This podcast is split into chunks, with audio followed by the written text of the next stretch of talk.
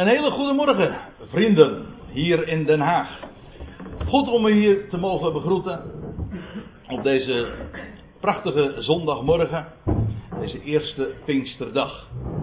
En ik wil u graag eens meenemen, al was het maar omdat in de christelijke wereld deze dag toch speciaal aandacht wordt gegeven aan de Heilige Geest. En weliswaar is die liturgische kalender die wij kennen niet eh, direct aan de Bijbel ontleend, indirect wel natuurlijk. Maar reden genoeg lijkt mij toch om ook in dit verband eens aandacht te geven aan die geest. En ik heb het, zoals u ziet hier op, de, op het scherm, ik heb het als titel meegegeven: De geest die maakt levend. En laat ik u om te beginnen eens een vraag mogen voorleggen. En dat is deze. Op welke dag ontvingen de discipelen volgens u de Heilige Geest? Op zo'n dag. Nou, laat ik eerst eens eventjes beginnen met een eerste antwoord. En ik hoor het hier al roepen. Maar. Nou, misschien mag ik eventjes, want ik heb een PowerPoint gemaakt. En ik, weet, ik wist natuurlijk niet van tevoren wat er allemaal vanuit de zaal geroepen zou worden. Maar laat ik een, drietal opties noemen. En de derde is het meest veilig, maar goed. Op de dag van Christus opstanding. Dat is de eerste het eerste antwoord. Het tweede antwoord. Op de Pinksterdag. En misschien nog een andere optie. En die mag u zelf invullen. Op een andere dag. Wat denkt u? Wie gaat voor het eerste antwoord? 1. Dat is niet veel. 2, 3, 4, 5, 6. Oh, het wordt meer. Nou, als ik nog even, als ik nog even doorga en even wacht. Wie gaat voor het tweede antwoord? Oh, niemand? Of, hè? Ah, ja. Ja, u denkt allemaal een strikvraag hier voorgelegd te krijgen. Dat klopt ook trouwens wel een beetje hoor. Maar goed, ik vraag gewoon eerlijk antwoord. Ik bedoel, uh, er hangt uh, verder niks aan af. U hoeft niks te betalen of zo. U zakt niet voor een examen. Ik, ik leg het u voor. En wat is uw antwoord? Wat zou uw eerste directe antwoord zijn? En wie, wie gaat voor de derde optie? Nog iets, een andere. Op een andere dag. Aha, daar zijn ook nogal wat mensen voor die daarvoor geporteerd zijn. Hm? Nou, ik zal maar niet tellen en de verhoudingen laten we maar even in het midden. Maar ik zal u vertellen, dat, en dat ga ik u nu ook uitleggen. Nou, laat ik eerst eens eventjes op die, dat tweede antwoord uh, ingaan. Voordat ik het uh, in mijn ogen juiste antwoord geef. Op die Pinksterdag ik begrijp wel, want dat is het algemeen bekende antwoord. Wat als je het. Ik, ik heb het uh, zo eens uh, ook op internet nog eens nagekeken. Maar als je dan leest een uitleg, gewoon een heel primair. Wat wordt er gedacht? Of waar wordt aan gedacht? Op, de, op het feest van Pinksteren. Dan is het antwoord. Dat was de dag dat de discipelen de Heilige Geest ontvingen. Dat is niet correct. Want wat er gebeurde op die dag. Dat was dat de Heilige Geest over de discipelen kwam. Of misschien nog correcter, preciezer, op de Heilige Geest. Je leest dat in Handelingen 1, vers 8, maar ook nog op andere plaatsen. Dat de Heer Jezus ook tegen zijn discipelen gedurende de 40 dagen na zijn opstanding dat hij bij hen verbleef, dat hij dat ook aankondigde.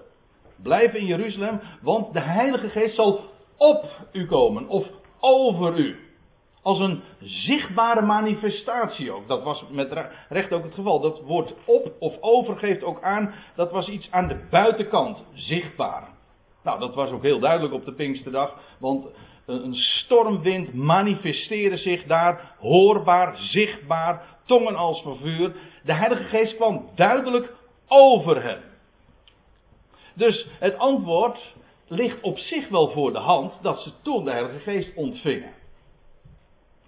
Maar dan moet je het correcter zeggen, precies het. De Heilige Geest kwam toen als een kracht, een zichtbare manifestatie over hen. Maar het eerste antwoord is het correcte antwoord. Ik zal het u ook laten zien aan de hand van het Johannesevangelie. Dat is meest voor de hand liggend. Je leest in Johannes 20, vers 22, dat is op de dag dat de Heer Jezus dus was opgestaan, dat hij in het midden van zijn discipelen verschijnt. En dan toont hij zijn handen, zijn voeten, zijn zijde. En dan zijn ze verblijd. En dan lees je dat de Heer Jezus tegen hen zegt: Vrede zij u. Shalom. Een Hebreeuwse groet. En dan blaast, in vers 22 lees je dan, dan blaast hij. Er staat dan op hen, maar dat op hen dat kunt u weglaten. Staat, hij blaast. En hij zegt, ontvang heilige geest. Niet de, maar gewoon ontvangt heilige geest. Op de dag van zijn opstanding. Dus niet vijftig dagen later, maar toen, op die dag dat de steen wegrolde en zij tot de ontdekking kwamen van de levensvorst, hij die opstond uit de doden, toen, met die ontdekking, ontvingen zij Heilige Geest. Zo staat het er. En vijftig dagen later kwam de Heilige Geest over hen op hen. Als een zichtbare manifestatie. Maar die geest ontvingen ze dus reeds op de dag van Pasen. Zodat wij inderdaad kunnen zeggen: Pasen en Pinksteren, beste vrienden. Vallen op één dag. Daar hoeven wij dus niet op te wachten, zo is het.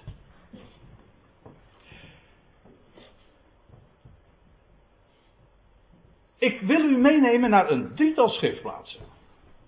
Waarin dat ook nader wordt aangetoond. Een drietal plaatsen in het Nieuwe Testament. Ik had nog een vierde ook kunnen noemen, die iets verder van verwijderd is. Maar een drietal plaatsen waar regelrecht wordt gezegd dat de geest levend maakt. Geest en leven zijn begrippen die alles met elkaar te maken hebben. Sterker nog, ik zou kunnen zeggen, die begrippen zijn synoniem.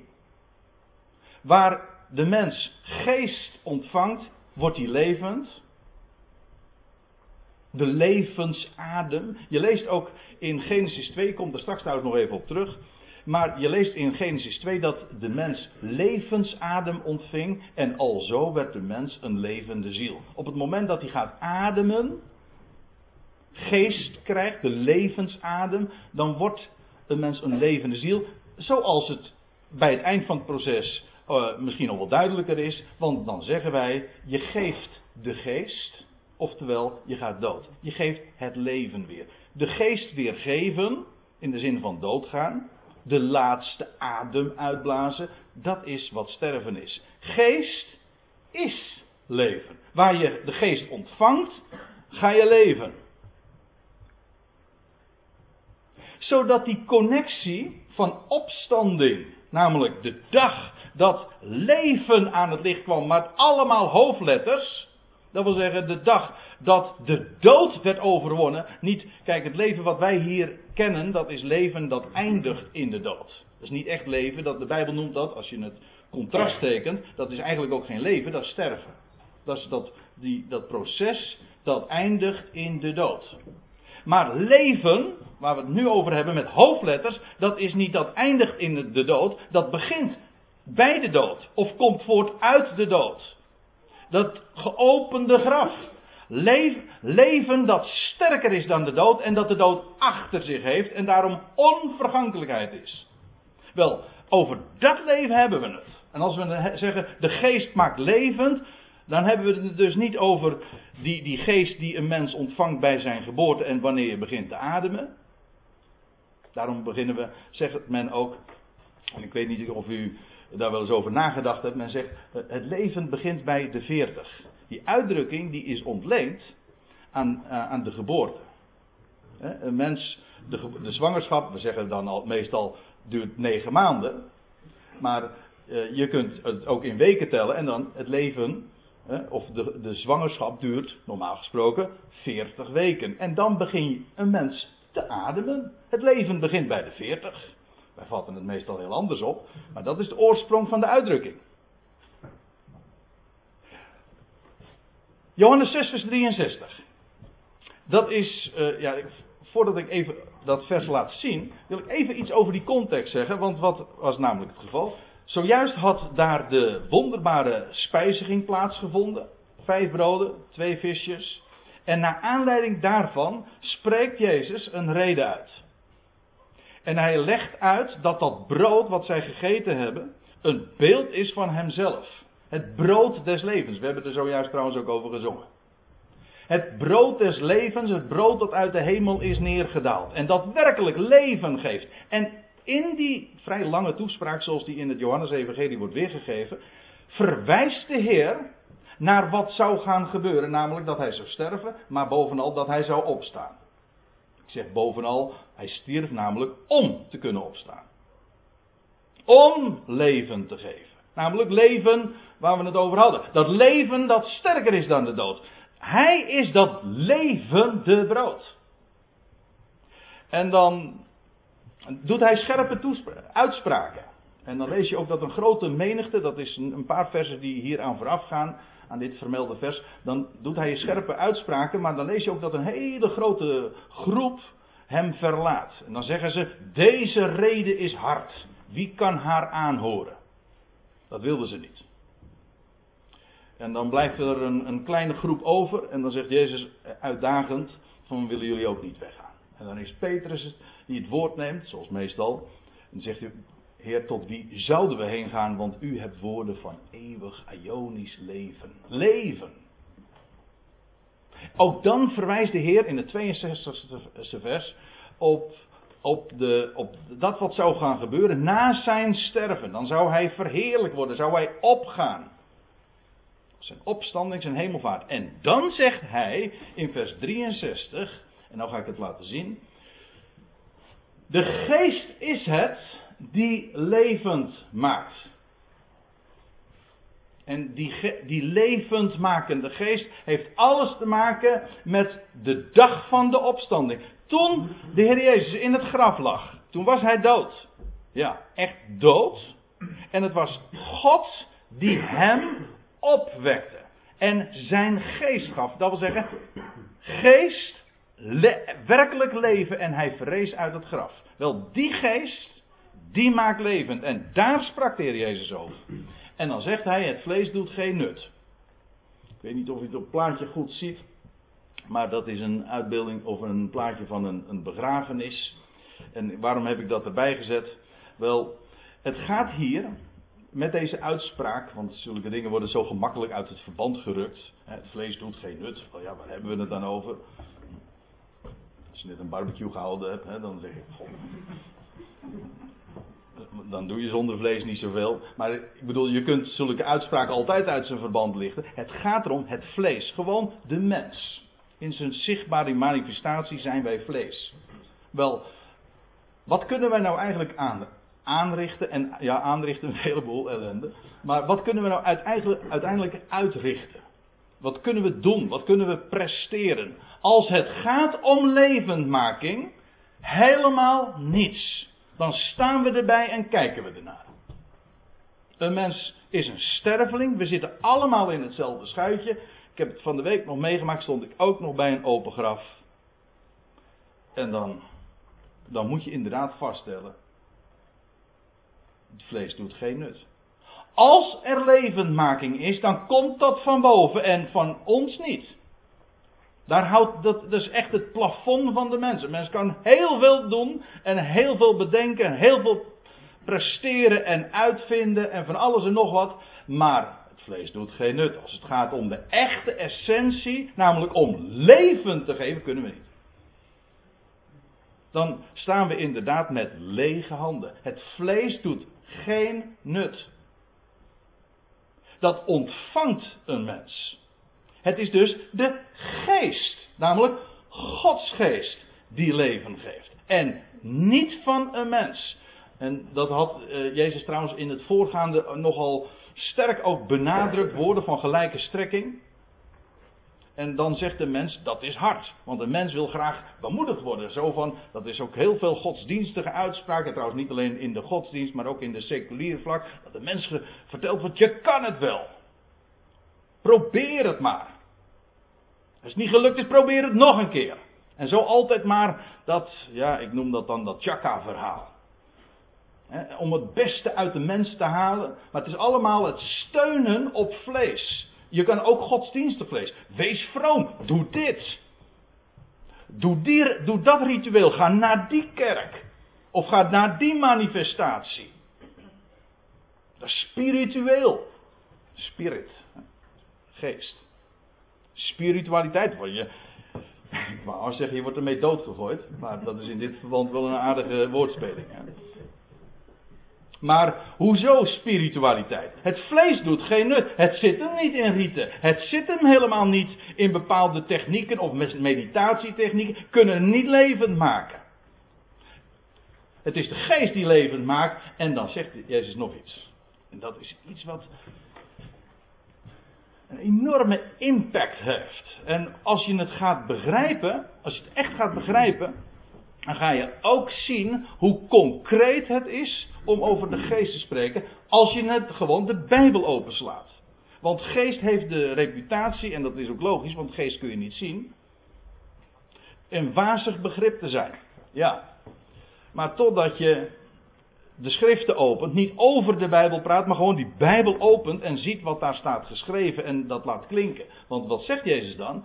De woorden die ik tot u gesproken heb, zojuist, over dat wat zou gaan gebeuren, was er geen snars van begrepen. Zelfs zijn discipelen trouwens niet. Hij zegt, de woorden die ik tot u gesproken heb, die zijn geest en zijn leven. Feitelijk is dit ook een, nou het is geen pleonasme, dat noemen ze, dat is nog, nog weer een ander stijlfiguur, die zijn geest. Namelijk, ze zijn leven. Dat en betekent niet plus, maar dat betekent namelijk. Zoals de God en Vader. Dat betekent niet de God plus de Vader alsof het er om twee zijn. Nee, het is zijn geest, die woorden, die zijn geest. Ze zijn namelijk leven. Geest is leven. En waar vind je geest en waar vind je leven? Wel, Jezus zegt het, in die woorden. Sommige mensen die denken bij geest inderdaad aan hele wazige dingen. Of aan de dingen waar ik het zojuist over had. Maar Jezus zegt, verwijs naar het woord. De woorden die hij sprak. En de woorden die hij sprak waren ook de woorden van de schrift. Het was altijd, er staat geschreven. Dat is leven. Dat wil zeggen, als je weet over wie het gaat. En waar het naar verwijst. En de Jezus had zojuist verwezen naar zijn opstanding. Naar zijn, en dat wat er zou gaan gebeuren. Alles in die schrift verwijst naar hem, de grote levensvorst. Als je dat gaat ontdekken, gaat het woord leven in je. Dat is echt spiritueel. Dan gaat dat leven, en zoals we zojuist ook gezongen hebben, daar is kracht.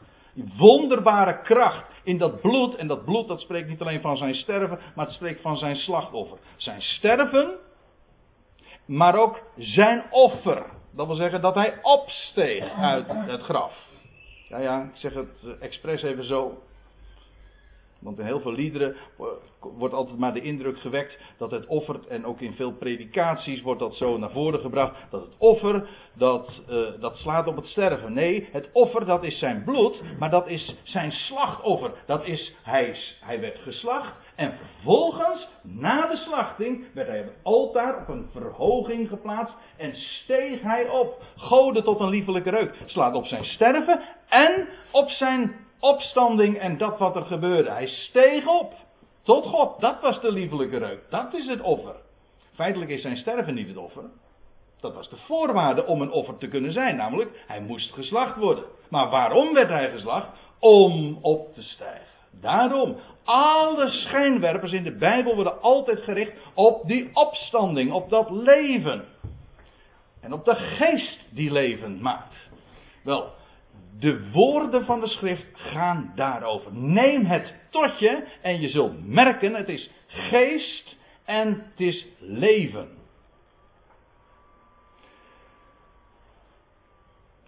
Ik ga nou nog wel naar een andere schriftplaats. 2 Korinthe 3. Ik zei, er zijn een drietal plaatsen waar heel direct in het Nieuwe Testament gezegd wordt dat de geest levend maakt. En die wil ik u vanmorgen dus tonen. 2 Korinthe 3 is die volgende schriftplaats. Het is niet helemaal in volgorde, want straks ga ik naar 1 Korinthe 15, maar dat, dat heeft even een andere reden, doet niet zoveel te zaken. Eerst even iets over de samenhang, want ik laat iedere keer één vers zien en dan moet je toch even, om dat te begrijpen, moet je toch even iets over de samenhang ook zeggen, voordat je dat misverstaat. 2 Korinthe 3, daarin schrijft Paulus over het oude verbond en hij plaatst dat tegenover het nieuwe verbond. Het oude verbond dat God ooit sloot met het volk van Israël bij de berg Sinaï, toen hij de, de, zijn woorden gaf, de, de wet, de stenen tafelen en alles wat daarmee verband hield. En hij plaatst dat tegenover het nieuwe verbond. Dat is een uitdrukking, die, die twee begrippen, die zijn ontleend aan een profetie in Jeremia. Ook wel andere plaatsen, maar met name Jeremia 3. Eh, pardon, Jeremia 31. Ik zeg dat even bij, want moet u even goed in gedachten houden.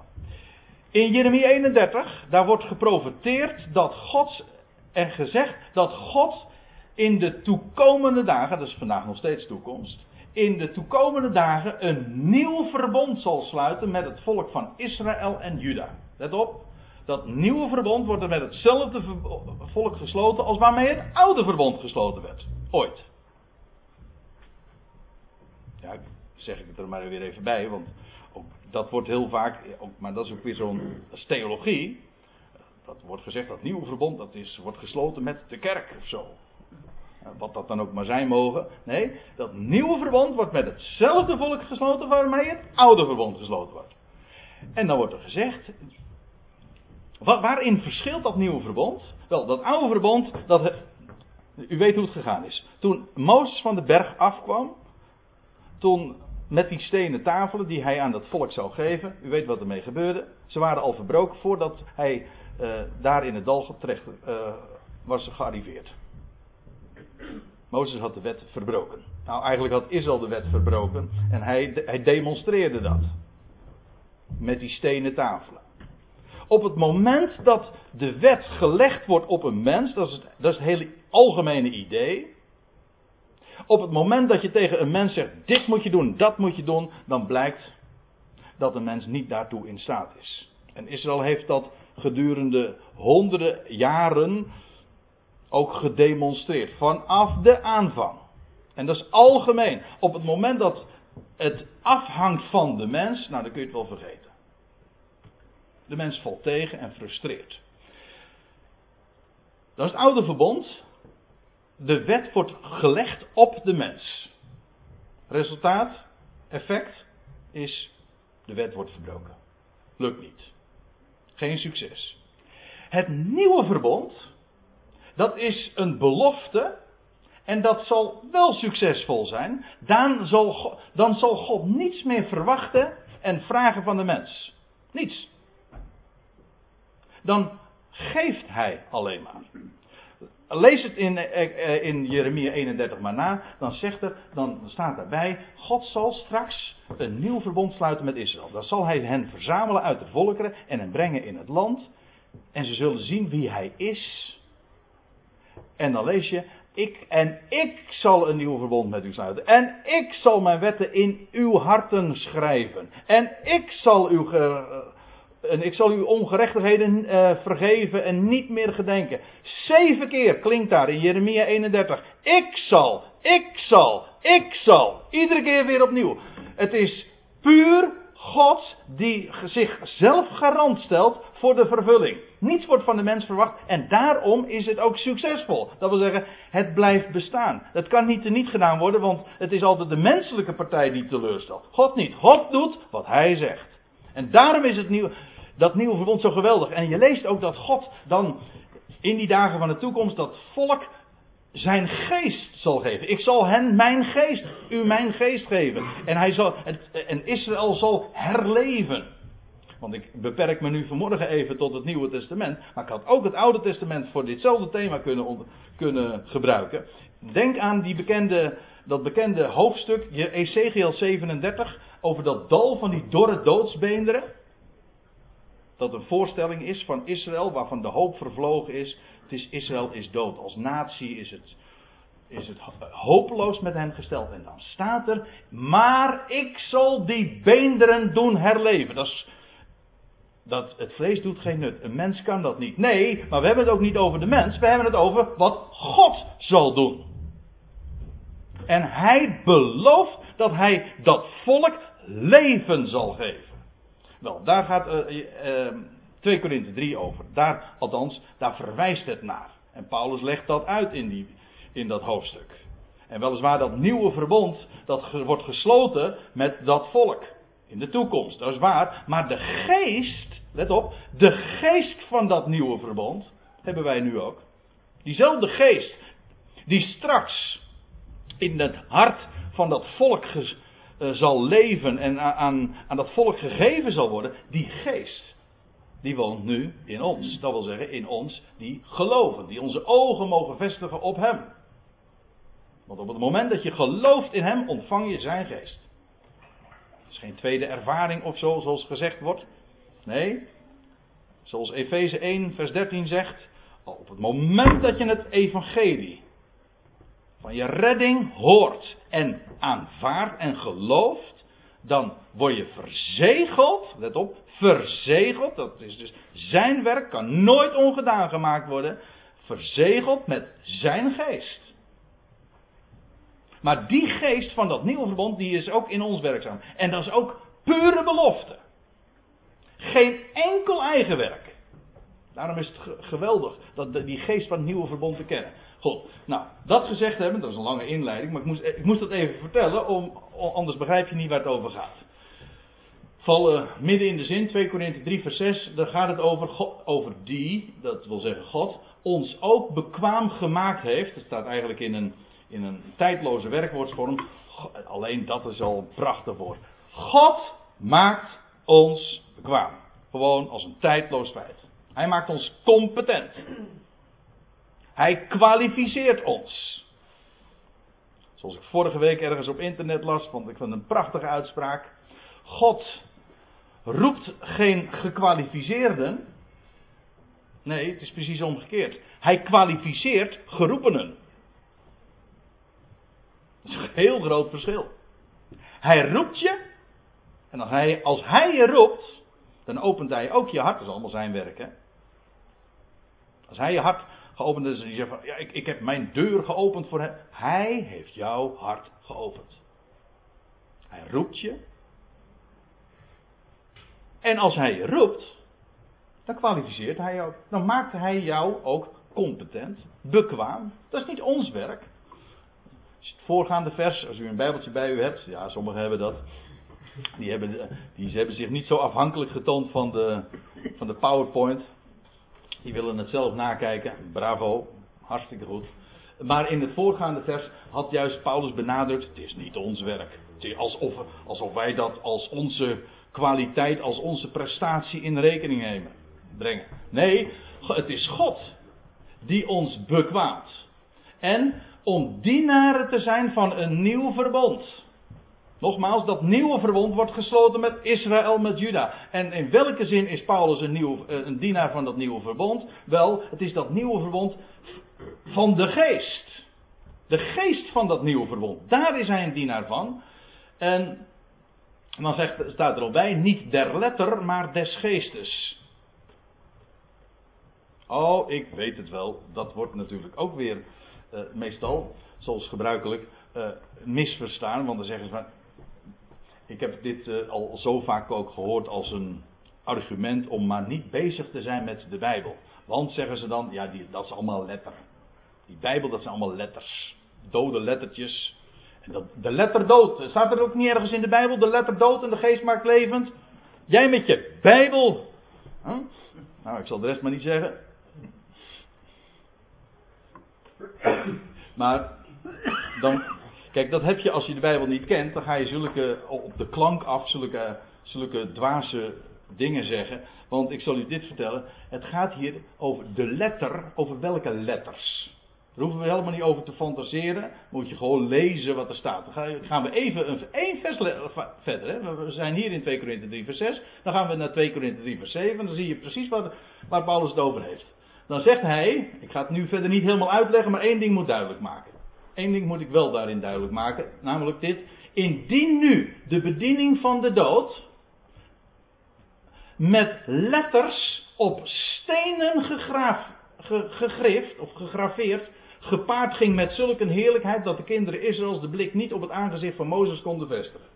Ja, als ik dit nog moet uit gaan leggen, dat is nog, nog weer een verhaal apart. Maar één ding is, daar moet duidelijk zijn. En dat is, hij heeft het hier over die letters die op stenen gegraveerd waren. Dat wil zeggen, die stenen tafelen. Over de wet. Die aan Israël gegeven wordt. Hij, en Paulus zegt dan, hij, legt dat in deze verse uiteen. Hij zet dat uiteen. Hij zegt dat was heerlijkheid, jazeker. Maar het was een bediening van dood. En van veroordeling. Dat wil zeggen, het veroordeelde eigenlijk tot de dood. Op de dag trouwens dat dit gebeurde, dat Israël de wet ontving. Hoe, weet u hoeveel er stierven? Dat de wet in diggelen viel, geslagen werd. Toen werden er 3000 op één dag gedood. Een bediening van dood en veroordeling. Moet er trouwens aan denken dat op diezelfde dag, zoveel eeuwen later, Pinksterdag namelijk was dat, dat er 3000 tot leven kwamen en het woord ontvingen. Ja, mooi contrast hè. De geest, de letterdood, maar de geest maakt levend, want daar wilde ik u vervolgens op wijzen, want dat is dat woord waar ik, waar ik het nu over heb. Want de letter dood. De letter, namelijk de bediening van de wet.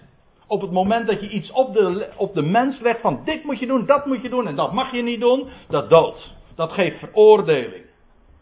Per definitie. Hier gaat het heel specifiek natuurlijk over het Jodendom en over, over Israël die bij de berg Sinaï de wet ontving, maar in het algemeen. Godsdienst werkt zo. De mens krijgt dingen opgelegd en hij is niet in staat dat te volvoeren. De letter dood. Maar staat er, de geest maakt levend. Hij doet dat. Hij geeft leven. En in het algemeen is dat zo. We hadden het zojuist over de geest die levend maakt. Dat is de, de, de geest die ooit kwam op Jezus toen hij in het graf lag en hij verrees als de levensvorst. Ja, de geest maakt levend, maar nu nog, nog iets anders. Die geest die maakt ons ook bekwaam. En weet u, in ditzelfde hoofdstuk legt Paulus dat ook uit. Die geest, en dan gaan we even nog naar, dat, naar het laatste vers van ditzelfde hoofdstuk. Wil ik u even voorlezen. Want dan ziet u hoe dat ook in de praktijk werkt. Die geest heeft alles te maken met dat, zoals dat nieuwe verbond werkt. Namelijk het gaat om wat God doet. Niet een mens. Het is de geest die daarom ook bevrijdt. Er staat in, in, eh, in vers 17 van ditzelfde hoofdstuk. Waar de geest des Heren is, daar is vrijheid. Dat wil zeggen, hij bevrijdt van de bedekking, hij bevrijdt van de banden. En waartoe bevrijdt hij ons dan? Wel, dat lees je in vers 18. Wij allen, die met een aangezicht waarop geen bedekking meer is. Het hele idee hier is. En ik, uh, ik, ik, moet, ja, om zo'n zo vers een beetje uh, duidelijk te maken, moet, moet ik even één ding er nog bij zeggen. Het gaat erom, die bedekking is hier de bedekking die er ligt op het aangezicht van, van Israël.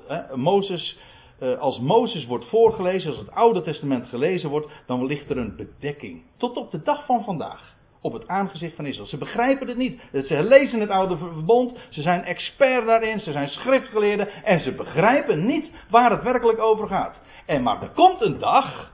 Als het tot de Here bekeerd zal worden. Dan zal de bedekking worden weggenomen van het hart van het volk. En ze zullen begrijpen waar het in die schriften, in hun eigen tenag en in de, in de boeken van Mozes om ging. Namelijk om Christus. Om de levensvorst en al die geboden, al die dingen die daar staan. Het gaat allemaal om, om dat leven dat in hem gegeven is en zichtbaar wordt. Wel, wij allen die met een aangezicht waarop geen bedekking meer is, van heer, eh, pardon, de heerlijkheid des Heren weerspiegelen. Met andere woorden, wij, wordt, wij, wij zien op die heerlijkheid van de Heer. Waar, waar zien wij die heerlijkheid van de Heer? Nou, het gaat hier dan vooral over, over dat wat er in de, in de Tenach, in de boeken van Mozes allemaal staat. Daar zien we de heerlijkheid van de Heer. Dat wil zeggen, als de bedekking weggenomen is. En wat gebeurt er? Ja, dan staat er in de MBG-vertaling, dan veranderen we. Nou, dat staat er niet hoor. Er staat, we worden veranderd. Ja, dat is, dat is niet iets wat we zelf doen. Er staat, we worden veranderd. Weet je wat er staat in het Grieks? Een woordje dat we allemaal kennen. Metamorfose. We, ondergaan een gedaanteverwisseling. Een complete transformatie. Dat is geen mensenwerk. Dat kun je niet zelf. Zoals een rups zichzelf niet tot een vlinder maakt. Dat is ook een metamorfose. Nee, dat ondergaat. Dat is hier het hele idee. En wanneer word je veranderd? Nou, wanneer we de heerlijkheid van de Heer zien. En die heerlijkheid van de Heer, dat is de Heer die geest is. Degene die opgestaan is uit de doden. Als we die heerlijkheid gaan zien, ook in de schriften, dan worden we veranderd.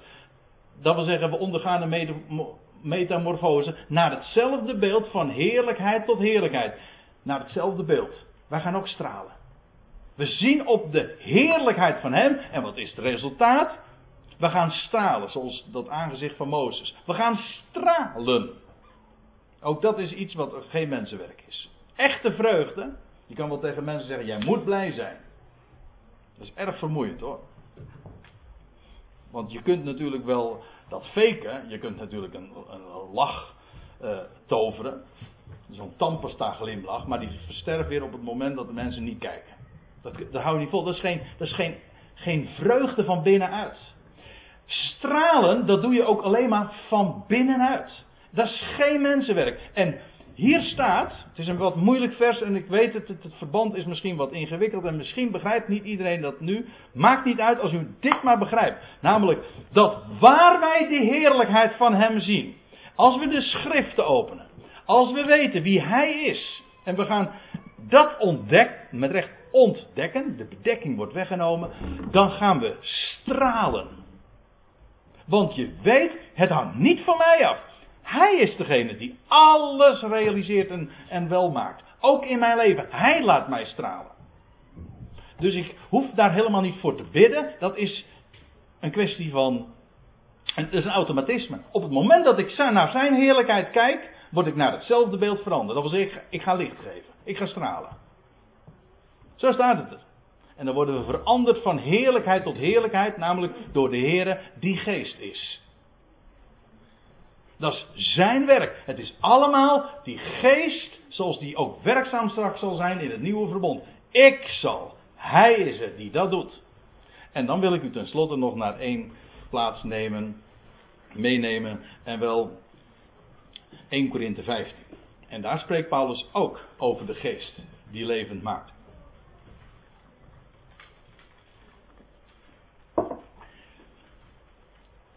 En 1 Korinthe 15 is het machtige, majestueuze hoofdstuk over de, de opstanding.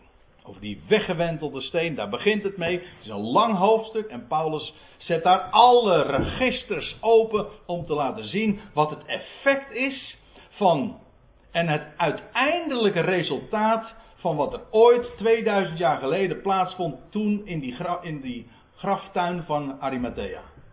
Toen werd de steen weggewenteld. Toen werd Christus levend gemaakt. Ontving hij geest. Ja. Nou, daar is al heel veel aan vooraf gegaan. U ziet het, het is het 45ste vers. En dan staat er, en het is midden in het betoog, maar laat ik het lezen. Al dus staat er ook geschreven, het is nou eigenlijk de tweede keer dat ik erop naar verwijs. Want wat Paulus hier doet, hij verwijst naar Genesis 2. En in Genesis 2, vers 7, daar lees je namelijk dit: dat, dat de mens wordt uit de aardbodem genomen. En dan ontvangt hij de levensadem, neshama in het Hebreeuws, de, de levensgeest. En, en dan staat er, hij, en alzo werd de mens een levende ziel. Let op, hij werd een ziel, hij kreeg geen ziel. Ook dat is weer theologie of filosofie. Een mens heeft geen ziel, een mens is een ziel. Trouwens, dieren zijn ook zielen. Genesis 1 lees je ook al over dat de aarde, dat de aarde wemelen van levende zielen. Het gaat gewoon over dieren. En waarom is een mens en waarom zijn dieren zielen? Wel omdat er bloed in, in zit. Want er staat in Leviticus 17, vers 11: De ziel van het vlees is in het bloed. Karakteristiek voor ziel is, het heeft bloed. Maar dat is ook karakteristiek voor dit vergankelijke bestaan. De Adam werd een levende ziel. Trouwens, het woord Adam, daar zit het woordje dam in. Maar dat is het Hebreeuwse woord voor bloed. Er zit ook nog Adom in, dat is rood. Maar goed, dat heeft allemaal met elkaar te maken. Het is bloed. Adam werd een levende ziel. Hij werd ziels. Ja, ik had ook kunnen zeggen zielig. Dat is ook namelijk waar hoor. Zielig, ziel heeft te maken met wat vergankelijk is. Hij was uit de aarde genomen. Ja, en u weet het, stof zijt gij en tot stof keert gij weer. Adam kon wel in leven blijven, maar dan moest hij van de boom van het leven iedere keer eten. Maar hij was vanaf de aanvang ziel. En daarom ook vergankelijk. Het bloed stroomt er doorheen. En dat bloed heeft eigenlijk maar één functie. Ja, dat klinkt nou, dat is wat kort door de bocht zoals ik het zeg, maar maakt het misschien wel duidelijk. Namelijk, het zou gepland worden. Het zou gestort worden. Dat, in dat hele bloed zit al de betekenis, zit al de gedachte van je raakt het weer kwijt. Waarom zeg ik dit? Wel, wat Paulus zegt, dat bloed, dat beërft niet de onvergankelijkheid. Dat nieuwe bestaan straks is niet gedreven, wordt niet aangedreven door bloed. Vlees en bloed, zegt Paulus in hetzelfde hoofdstuk, beërven het koninkrijk Gods niet. Dat is niet, dat is niet blijvend. Dat nieuwe lichaam straks, daar zit geen bloed in. Dat kan ik u overklappen. Nee, dat is geen, dat is geen zielslichaam, dat is een geestig lichaam. Ja, in dat, een van deze versen, ook in Korinthe 15, wordt dat ook nog zo gezegd. Hè? Dit is een zielslichaam, maar wat straks opgewekt wordt, is een geestelijk lichaam. Maar ik hou niet zo van dat geestelijk. Er zit al het woord lijk in, maar goed. Uh, maar nee, het is niet geestelijk, het is een geestig lichaam.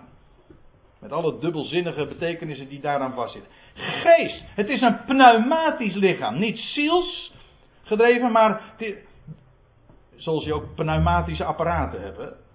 Die, die zijn, die, dat zijn apparaten die door lucht aangedreven. Ik heb weinig verstand, ik heb helemaal geen verstand van techniek. Maar ik weet wel dat ze door lucht worden aangedreven. Nou, dat, dat lichaam dat wordt aangedreven door pneuma. Weet ik waar ik het over heb? Nee. Maar ik weet wel dat het er zo staat. Dat nieuwe lichaam, dat is geestig. Is aangedreven door geest. Daar stroomt geen bloed, maar geest. Pneuma door de aderen. En dan lees je, en dat is het laatste waar ik dan naar verwijs. De laatste Adam, dus eerst de eerste Adam, werd een levende ziel. Maar ik zal u dit vertellen: de laatste Adam, een levendmakende geest. Dat betekent. Die laatste Adam, hoezo laatste Adam? Je hebt dus Adam. En we zijn allemaal Adamieten. Dat wil zeggen nakomelingen van Adam. En daarom zitten we ook allemaal in hetzelfde schuitje van Adam. Adam werd een zondaar en hij werd een sterveling. En wij zijn allen zijn zondaren en stervelingen. Hebben we daarvoor gekozen? Vinden we dat leuk? Maakt allemaal helemaal geen enkel verschil. Je bent in Adam. Dat is gewoon het gegeven. En daarom ook een zondaar en een sterveling. Zo komen we ter wereld. Zo gaan we ook inderdaad weer dood, ja. Daar helpt het vlees ook helemaal niks aan. Dat doet geen nut, speelt geen rol. Dat is een gegeven. Nou, dat is Adam. Maar wij kennen, en dat is het evangelie, een laatste Adam. Niet de tweede trouwens, hè. Denk erom. Het is niet de tweede Adam, wat heel vaak gezegd wordt. Het is de laatste Adam. De tweede Adam zou kunnen betekenen dat er nog eentje komt die het... Nee, hij is de laatste. Hij is de definitieve versie. Waarom? Wel, wat hij doet, dat is blijvend. Hij brengt namelijk leven aan het licht dat de dood achter zich heeft en daarom is het ook blijvend. En hij is een levendmakende geest. En waarom heet hij Adam? Wel, omdat hij net zo goed heel de mensheid insluit. Dat had Paulus ook al eerder gezegd in vers 22 van ditzelfde hoofdstuk. Dan, schreef hij, want zoals in Adam allen sterven. Een feit toch? Gewoon een gegeven. In Adam sterven allen. Zo zullen ook in Christus de gezalfde, degene die de geest ontving, allen levend gemaakt worden. Heel dat mensdom. Er staat niet allen in Christus trouwens, maar in, in Adam allen, in Christus allen. En zo zeker als het is dat in Adam alle stervelingen zijn, zo zeker is het dat in Christus allen levend gemaakt worden. Oké, Paulus gaat zeggen, ja, ieder in zijn eigen rang worden. Dat is vers 23. Hij laat dat dan ook zien. Daar gaat het nu even niet om, het gaat nu even om het feit. Adam, de laatste Adam. In de een de dood, in de ander het leven, met allemaal hoofdletters. En dat is hij representeert een levendmakende geest. En daar zien wij op. Dit is een boodschap. Mensen, dat is, dat is echt het allerlaatste. Ik heb het nu over de allerlaatste Adam. En ik heb het nu over het laatste wat ik erover wil zeggen. En dat is dit. Spirit, spiritualiteit, dat is geen techniek. Dat is niet iets wat wij doen. Dat is een bericht. Is een mededeling. Dat is dit. Het bericht namelijk van het geopende graf. De dood die is overwonnen. En van het leven dat triomfeert. En als we daarop zien, ook gewoon nu dus in de praktijk, dan worden we veranderd. Getransformeerd naar hetzelfde beeld.